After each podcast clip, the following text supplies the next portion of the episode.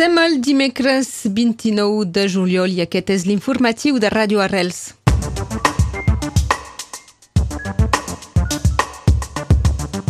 Els presos polítics ja no podran tornar a sortir de la presó després que la justícia hagi suspès el tercer grau. A Perpinyà hi tornen a haver dos hospitalitzats per Covid-19.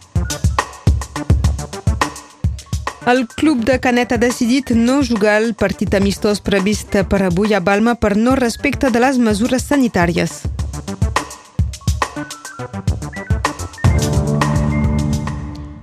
La prefectura informa de les normes a respectar per la celebració musulmana de l'Eid el-Kebir fixada el 31 de juliol.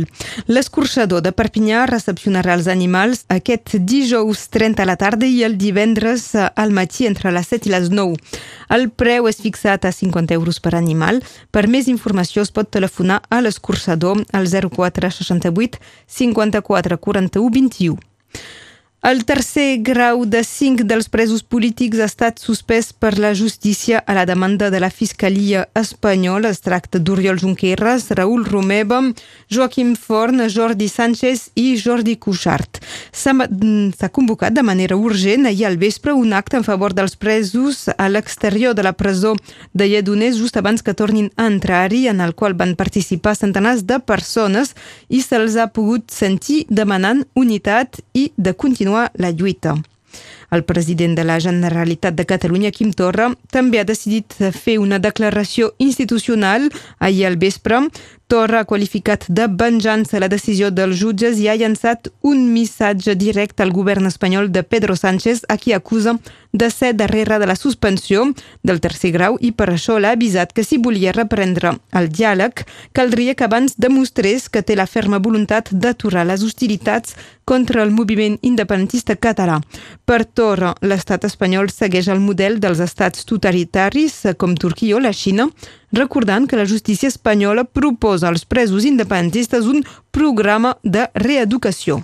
El Fireland, una festa organitzada pels bombers de Perpinyà amb música electrònica que era inicialment prevista pel 12 de setembre, serà finalment ajornada fins l'any 2021. La causa d'aquesta decisió és evidentment les condicions sanitàries lligades a l'epidèmia de Covid-19. L'ARS ha enviat un nou punt de la situació del coronavirus. A Catalunya Nord torna a haver-hi dues persones hospitalitzades, cap en reanimació. La mitjana de casos positius en relació al nombre de proves realitzades segueix del 0,5%, mentre que es fan unes, uns 30.000 tests cada setmana al nivell de la regió Occitània i precisament al nivell regional hi ha 45 hospitalitzats, 9 dels quals en reanimació. A Catalunya Sud, les dades d'incidència de la Covid-19 mostren que aquestes darreres setmanes s'ha triplicat el nombre de persones en cures intensives. Actualment hi ha 88 persones a l'UCI, 11 més que el dia abans. El secretari de Salut Pública, Josep Maria Argimon, ha informat que al conjunt de Catalunya la taxa reproductiva del coronavirus és un i que hi ha un petit descens de l'incidència acumulada de casos, fet que significa una millora de l'estat epidemiològic. Aquesta tarda, a partir de les 6, hi haurà un concert de Carrió davant de la Catedral de Perpinyà, però amb un canvi sobre el programa previst per les noves mesures de restricció imposades a Bèlgica a causa de la Covid-19, Marc Van Betz no pot fer el desplaçament. El concert serà, doncs, a càrrec d'Elisabeth Vitu i del Laurent Pi. Ahir va morir Gisela Halimi a l'edat de 93 anys. Era una advocada i política compromesa amb la causa feminista i en particular l'avortament.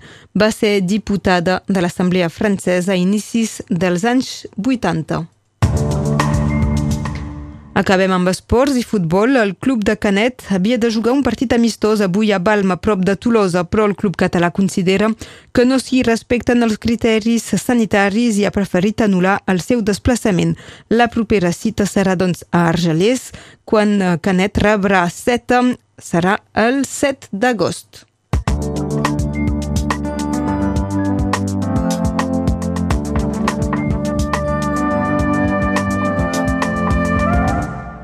Passem a la previsió del temps amb l'Enric Balaguer.